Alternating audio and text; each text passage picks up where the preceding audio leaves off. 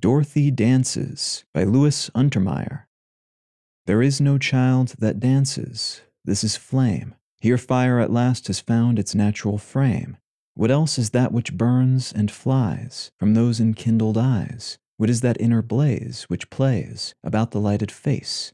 This thing is fire set free. Fire possesses her, or rather, she controls its mastery. With every gesture, every rhythmic stride, beat after beat, it follows, purring at her side, or licks the shadows of her flaming feet.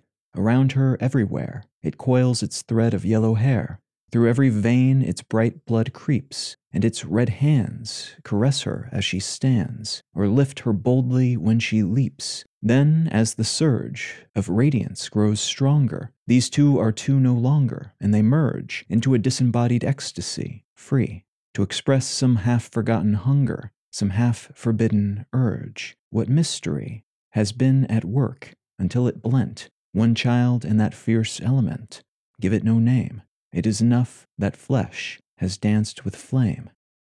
Dorothy Dances by Louis Untermeyer.